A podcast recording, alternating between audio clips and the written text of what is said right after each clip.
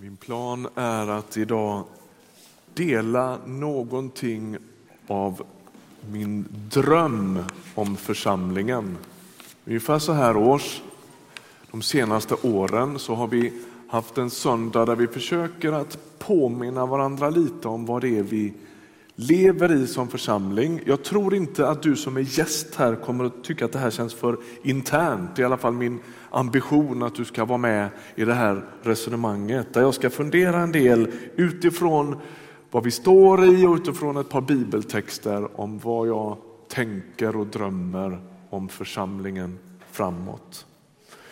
Jag skulle vilja läsa en text som kanske känns lite långsökt i sammanhanget, men det kommer en poäng. Vi läser ifrån Apostlagärningarnas nionde kapitel.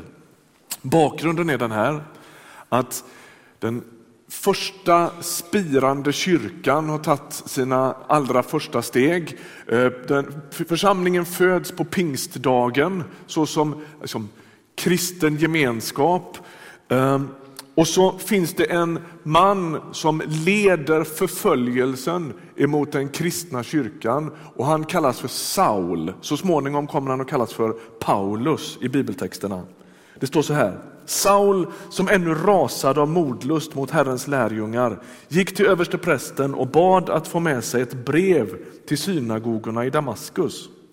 Om han fann några som hörde till vägen, män eller kvinnor, skulle han få fängsla dem och föra dem till Jerusalem. Men när han på sin resa närmade sig Damaskus omgavs han plötsligt av ett bländande ljussken från himlen. Han föll till marken, han hörde en röst som sa till honom Saul, Saul, varför förföljer du mig? Han frågade, vem är du Herre? Jag är Jesus, den som du förföljer. Vi stannar där. När Saul, som så småningom kommer att kalla sig för Paulus, när han är med om sin omvändelseerfarenhet så är det en otroligt dramatisk händelse. Han blir ju bokstavligen knockad till marken. Han slås av sin häst och han blir blind och det är en enormt dramatisk händelse. Jag tror inte att så många liksom har en sån story att berätta. Men det som är intressant med den här just idag, det är att när Paulus möter med Jesus så säger Jesus att det är mig som du förföljer. Är inte det konstigt? Han har inte förföljt Jesus så vitt vi vet. Däremot har han förföljt de kristna. Men det är som om Paulus, eller förlåt, som om Jesus så på djupet identifierar sig med den kristna kyrkan att han likställer förföljelserna av kristna med förföljelsen av honom själv. Alltså Paulus, om du har förföljt de Jesus troende, då har du förföljt mig. Det finns en sån djup identifikation mellan Jesus och hans folk. Så att han liksom blandar ihop det där på ett sätt. Och då kan man fråga sig, kan man egentligen prata om en egen vision för just den här lokala kyrkan som vi är i? Ja, på sätt och vis kan man göra det. Och Samtidigt så kan man inte snickra ihop den hur som helst. Man kan liksom inte sitta hemma på sin kammare och ha alla möjliga idéer om hur den ska vara, utan den måste bottna i, alltså den kopplar alltid tillbaka till Jesu eget liv. Därför att djupast sett är det så här att det vi ser i Jesu liv, det vill vi se i församlingen. Om den här texten har någon sorts relevans, då är det ju så att det Jesus gör, det tänker han att också församlingen ska göra. Det Jesus är, ska församlingen i någon mening representera. Du som är en van bibelläsare, du vet att Paulus, jag tror att det är mycket på grund av den här upplevelsen. Så småningom så kallar han de kristna församlingarna för Kristi kropp. Jag tror inte att det för honom bara är ett vackert bildspråk eller att han använder det som en sorts pedagogisk finess, utan han beskriver en sorts andlig verklighet. De Jesus-troende är så förknippade och så förbundna med den de tror på, så att där de går, där går han. Och där han går, där går de.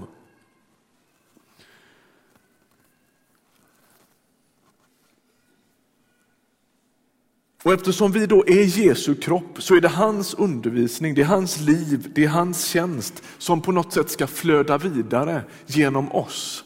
Det finns en annan text som vi måste bara stanna vid kort för att liksom förstå det här. När Jesus har alltså hela dramatiken vid påsken, han är dömd, avrättad, lagd i en grav och så uppstår Jesus från de döda och han möter med lärjungarna på alla möjliga olika sätt i flera olika tillfällen. Så står det så här, Johannes 20. På kvällen samma dag, den första i veckan, satt lärjungarna bakom reglade dörrar av rädsla för judarna. Då kom Jesus och så stod han mitt ibland dem och sa till dem, frid åt er alla.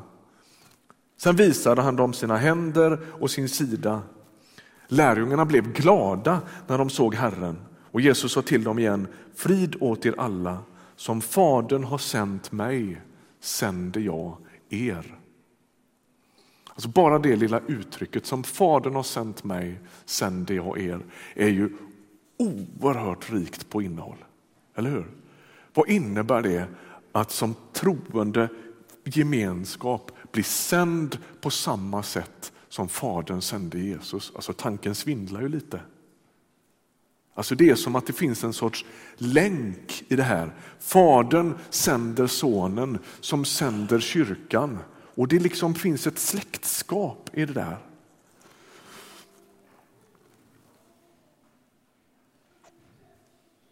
Och därför blir vårt uppdrag som kyrka att på alla sätt som vi kan vara en reflektion av den Jesus som vi följer. Den han är och det han gör, det han undervisar, det han står för. Allt det som vi kan hitta hos Jesus ska börja knådas in i den kristna gemenskapen. Och därför är vi mer än en åsiktsgemenskap. Det är inte så att vi som tillhör Ryttargårdskyrkan har skrivit under bara på någon sorts, vi köper de här idéerna. Det är något annat än det. Vi är organiskt sammanbundna med Jesus själv.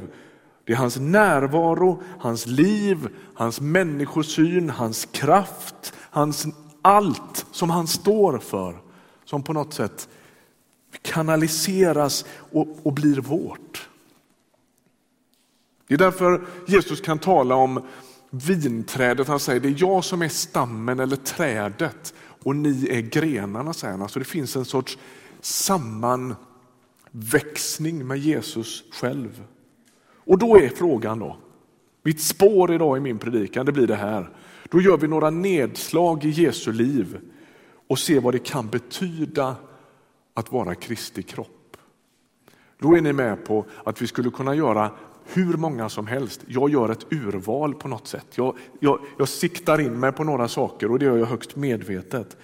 Och idag blir det lite sån punktpredikan, det är inte så vanligt, men det blir det idag. Du ska få några statements så ska vi dra några slutsatser av det. Det första jag ser i Jesu liv det är att han lever i bön, beroende av Fadern. Gång på gång finns det där med.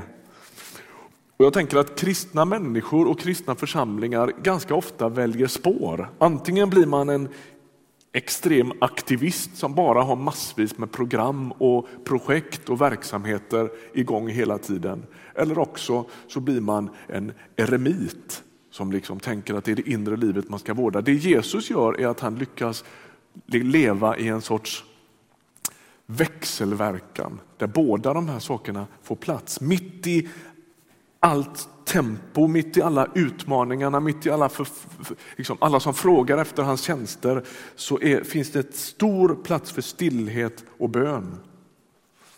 Och vi var inne på det här om söndagen och jag tänker att det är en jätteutmaning i vår tid.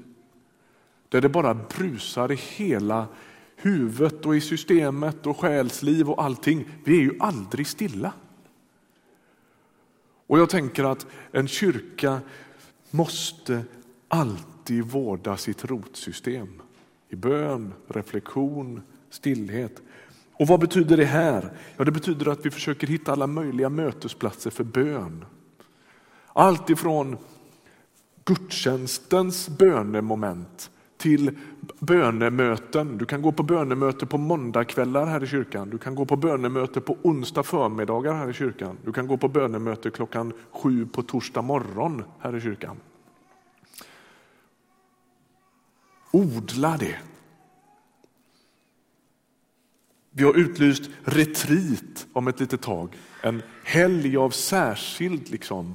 man stänger alla rösterna utifrån, en tyst retreat. Det har varit ett jättesug efter att vara med på det. Och jag tror att det ligger helt i tiden. Jag har åkt på retreat och tänker jag skulle numera inte kunna leva utan de där återkommande retriterna. Det är en hälsofråga för mig. Det andra, och jag tänker att det vill jag se mer av. Alltså, är du med på lite grejen? Vi tittar på en, ett drag i Jesu liv och så funderar vi på vad det gör med oss. Jag tror att det skulle kunna hända mer i den frågan, att vi skulle kunna uppmuntra varandra mer till fördjupning. Missa inte bibelstudierna, missa inte bönetillfällena. Odla ditt rotsystem. Det andra jag ser i Jesu liv är att han är som en enda vandrande kraftstation. Ta bort Jesu under och tecken ur evangelierna så blir det inte så mycket kvar.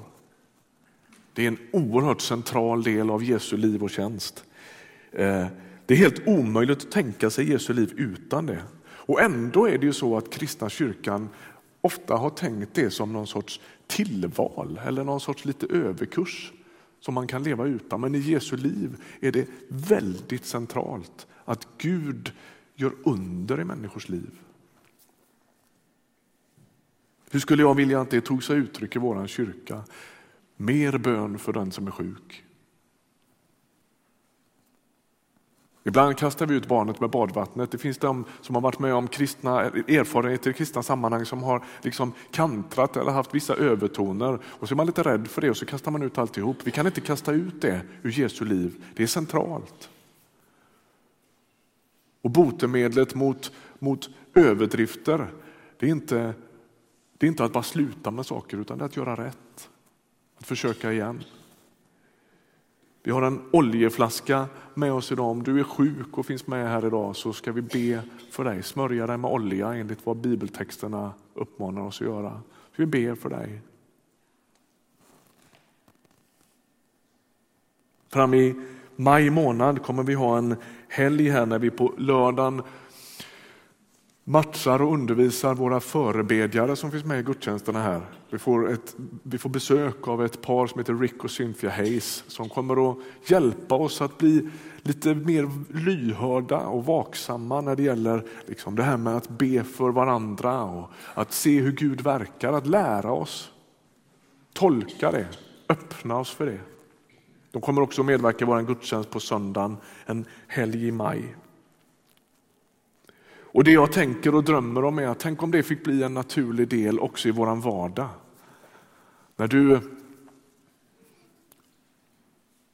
hör om något på, i lunchrummet på jobbet, det är någon som berättar, du vet, nu har jag hört, nu är det så att nu är det lite kris i vår familj, det är någon som är sjuk. Tänk om du bara skulle, du behöver inte göra det till eller hålla på med massa åthävor och grejer. Tänk om du bara skulle säga, men vet du vad?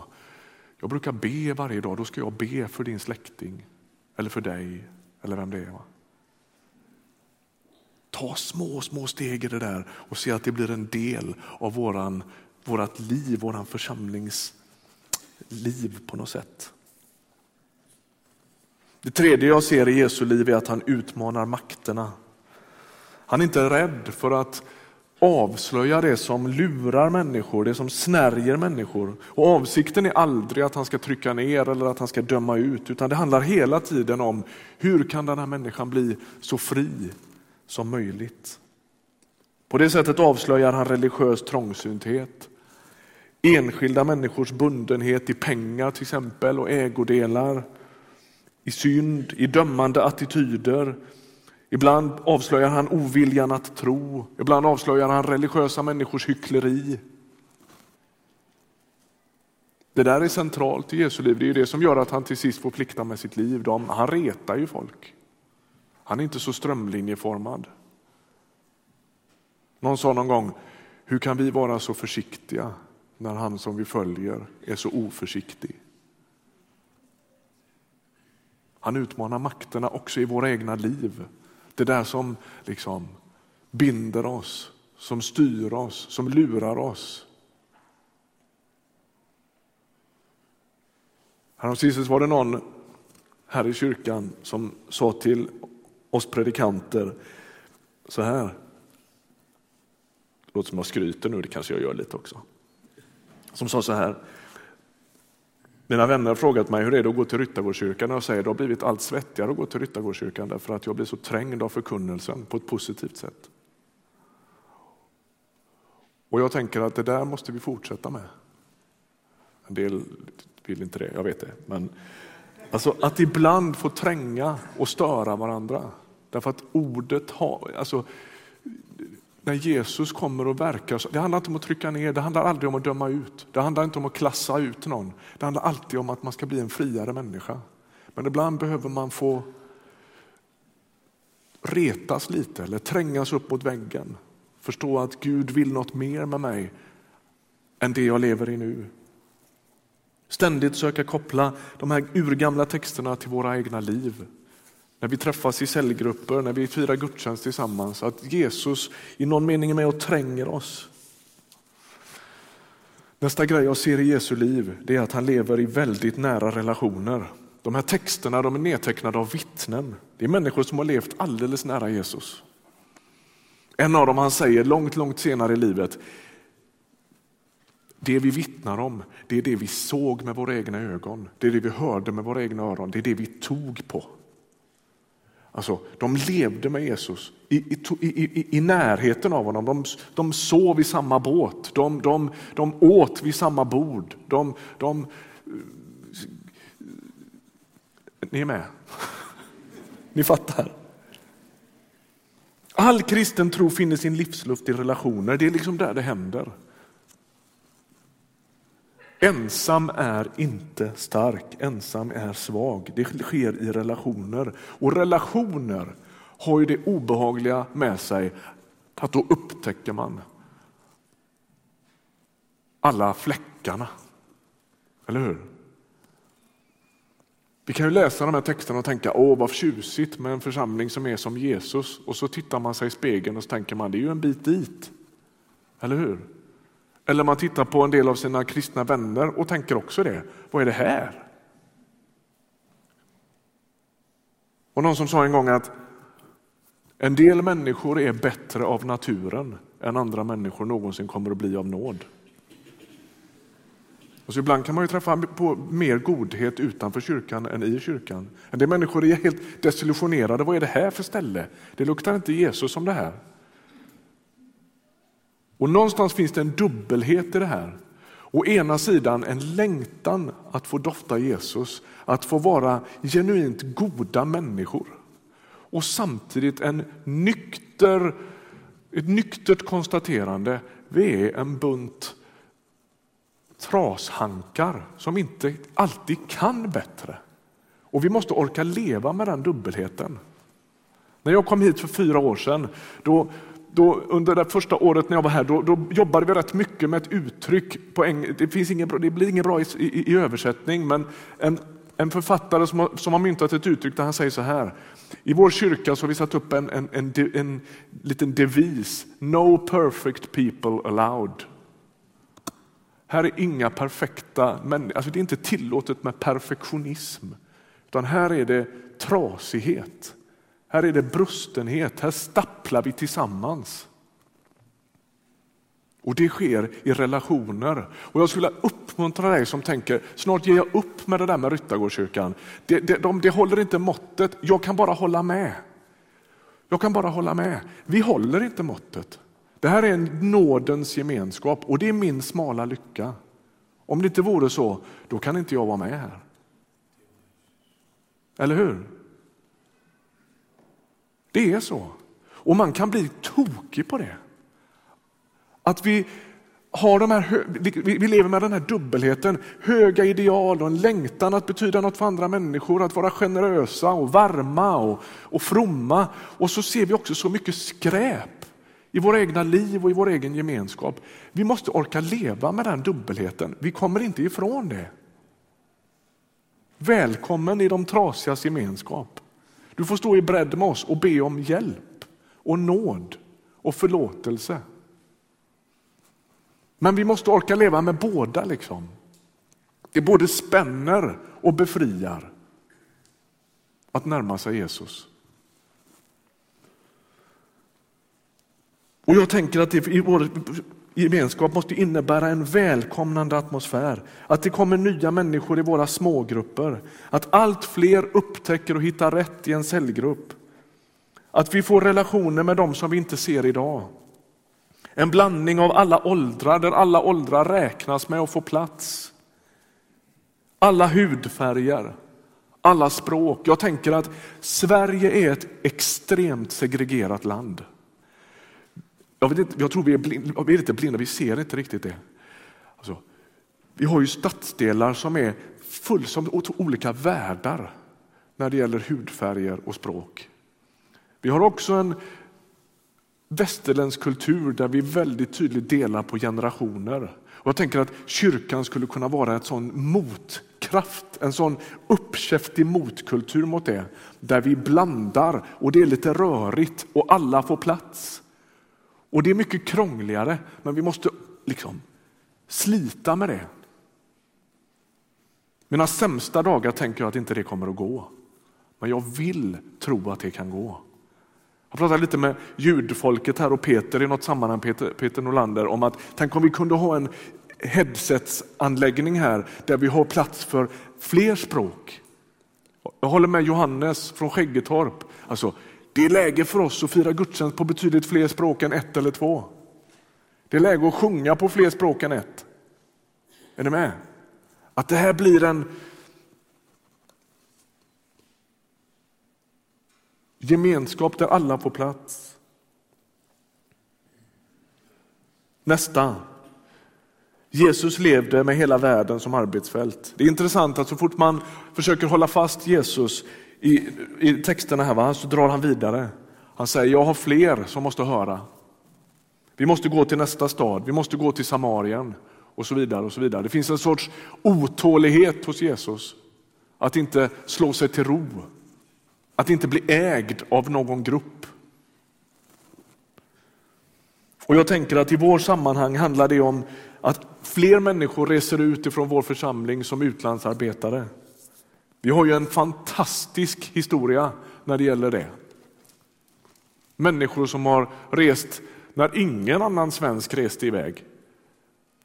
När Rut Pettersson åkte till Indien, då var korren på perrongen och gjorde ett reportage, för man hade knappt aldrig träffat någon som åkte till Indien. Är ni med? Det var ju otroligt modigt och före sin tid. Det är vår historia. Och hur många, hur många som helst som har sänts ut från den här kyrkan. Jag skulle önska att det var många, många fler. På korttidstjänster, på bibelskolor, på långtidsmission. Vi har pratat i församlingsledningen om att vi skulle vilja se att procentuellt sett blir en större del av våra totala insamlade medel avsatta till utlandsarbete. Idag är det 26-27 procent ungefär av vårt totala insamlade. Vi skulle åtminstone börja med att stretcha oss mot, mot 30, kanske 35. Världen blöder.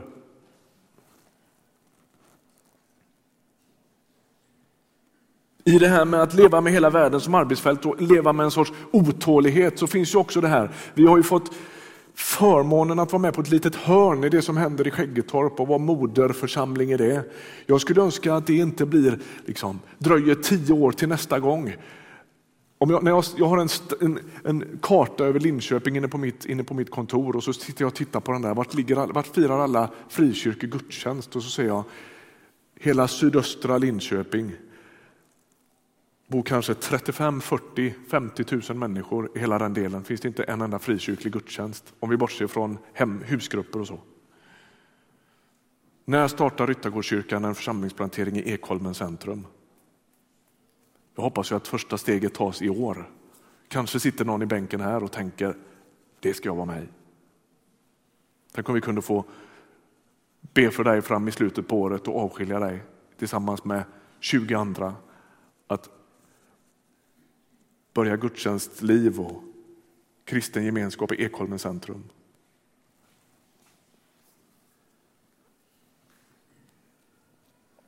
Vi drömmer om mycket tydligare satsningar till sommaren som har med vårt café och våran uteservering, sångkvällar, föreläsningar, konstutställningar, allt möjligt att göra. Därför att vi skulle behöva leva mycket, mycket mer med en sorts helig otålighet. Det räcker inte. Det räcker inte. Vi vill se nya människor göra livsförvandlande möten med Jesus. Vi är den enda medlemsorganisation i hela världen som inte är till för sina medlemmar. Vi är alltid till för dem som inte är här. Det sista. Jesus visar medlidande. Det är kanske det som de flesta människor förknippar Jesu liv med. Och, och, precis som när vi pratar om under och tecken så kan vi inte lyfta ut Jesu barmhärtighet och Jesu medlidande. Det är, det är helt centralt, helt avgörande i hans sätt att möta med människor. Det står på ett ställe, han gjorde gott mot alla människor. Är inte det en ganska schysst sammanfattning? Han gjorde gott mot alla människor. Han möter den utdömde, skamfyllda äktenskapsbryterskan och han säger inte heller jag dömer dig. Han kallas för syndarnas vän. Den gamle prästen Bengt Pleijel han myntade ett uttryck för många år sedan. Han sa de människor som följer Jesus de är som ett skräpfolk. Om man tittar på vilka det var som drog sig till Jesus under Jesu liv så är det ju mest trashankarna. Och kritiken mot Jesus det är att han, att han är så vårdslös i sina umgängen, att han umgås med syndare, och gatflickor och drinkare och skattesmitare. Och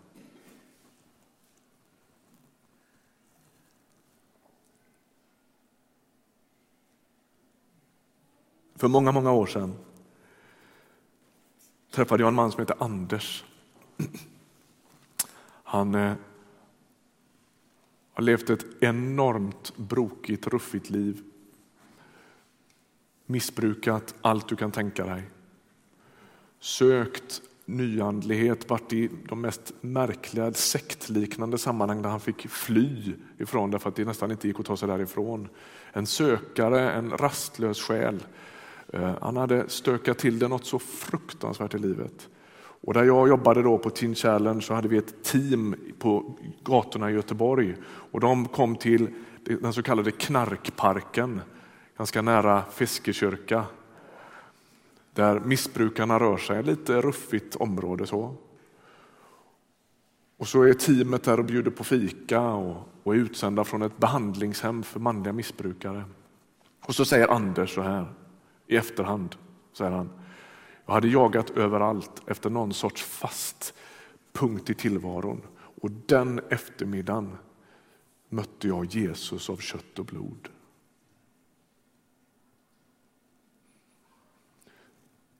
Enkla, unga frikyrkomänniskor som tog Gud i hågen, tog en kaffepanna med sig och mötte människor i ruffiga miljöer och han mötte Jesus av kött och blod. Och jag tänker, det är en gigantisk utmaning för en församling. Hur går det till? För inte så länge sedan hade vi kanske 150 matkassar här på estraden. Och jag tänker det där får inte dröja till nästa jul. Vi har pratat om det skulle vi behöva göra varenda nattvardsfirande. Då skulle det stå matkassar här. Vi var lite fundersamma, hur kommer det där att gå? Kommer de att bli stående här eller kan vi lyckas distribuera ut dem? Vi skulle kunna distribuera ett hundra till.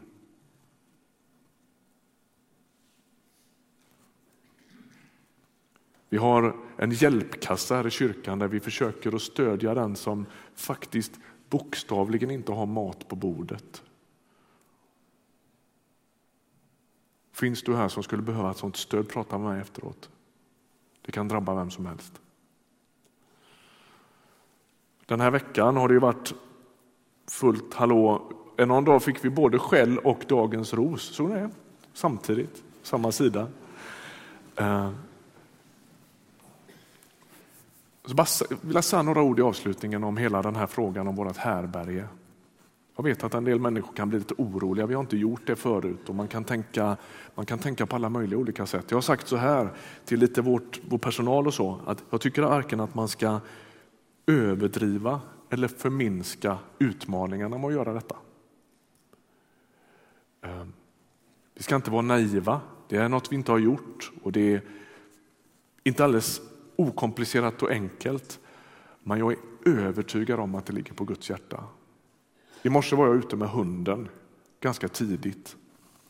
Jag hade dubbla stickade tröjor, jacka, mössa, vantar, halsduk, Gore-Tex-kängor och jag frös så jag trodde jag skulle smälla av och jag längtade in till morgonkaffet. Och så tänkte jag, tänk att bo i en bil.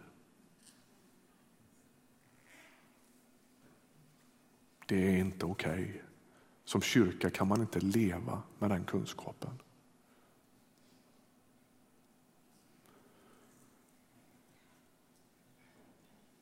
Jag tycker att det finns en olycklig retorik i det. Jag vill bara säga några ord om det.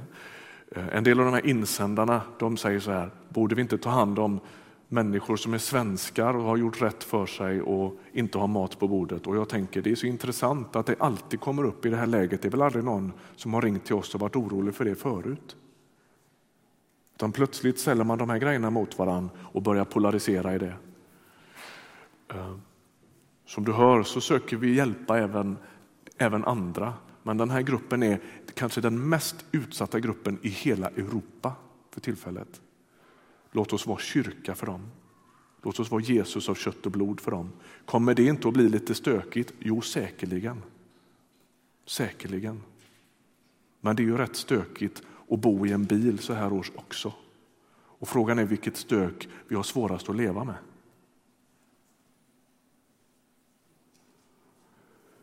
Jag hoppas och drömmer om. Jag tittade på vad jag sa på den här söndagen förra året. Då pratade vi om drömmen om att få göra någonting i vår källare, kanske förhoppningsvis i samarbete med Stadsmissionen. Det är lite roligt att se att det händer. Jag tror att vi smakar på någonting som har med Guds tilltal och Guds ledning att göra just nu. Och Låt oss vara varsamma med det här. Be för det. Engagera dig i det och be att Gud ska bli på något sätt synlig i allt det här. Att vi får vara Jesus av kött och blod. Jag ska avsluta nu och tänker det som är vår devis eller vår vision det är vi vill vara en öppen och generös gemenskap där allt fler möter, följer och formas av Jesus.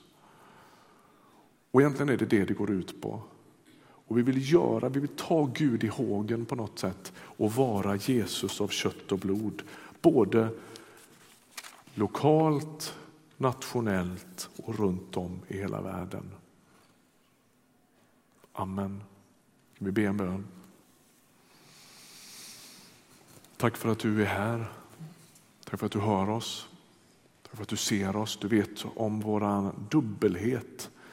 Vi både längtar efter att betyda något för andra och så är vi hopplöst självcentrerade på samma gång.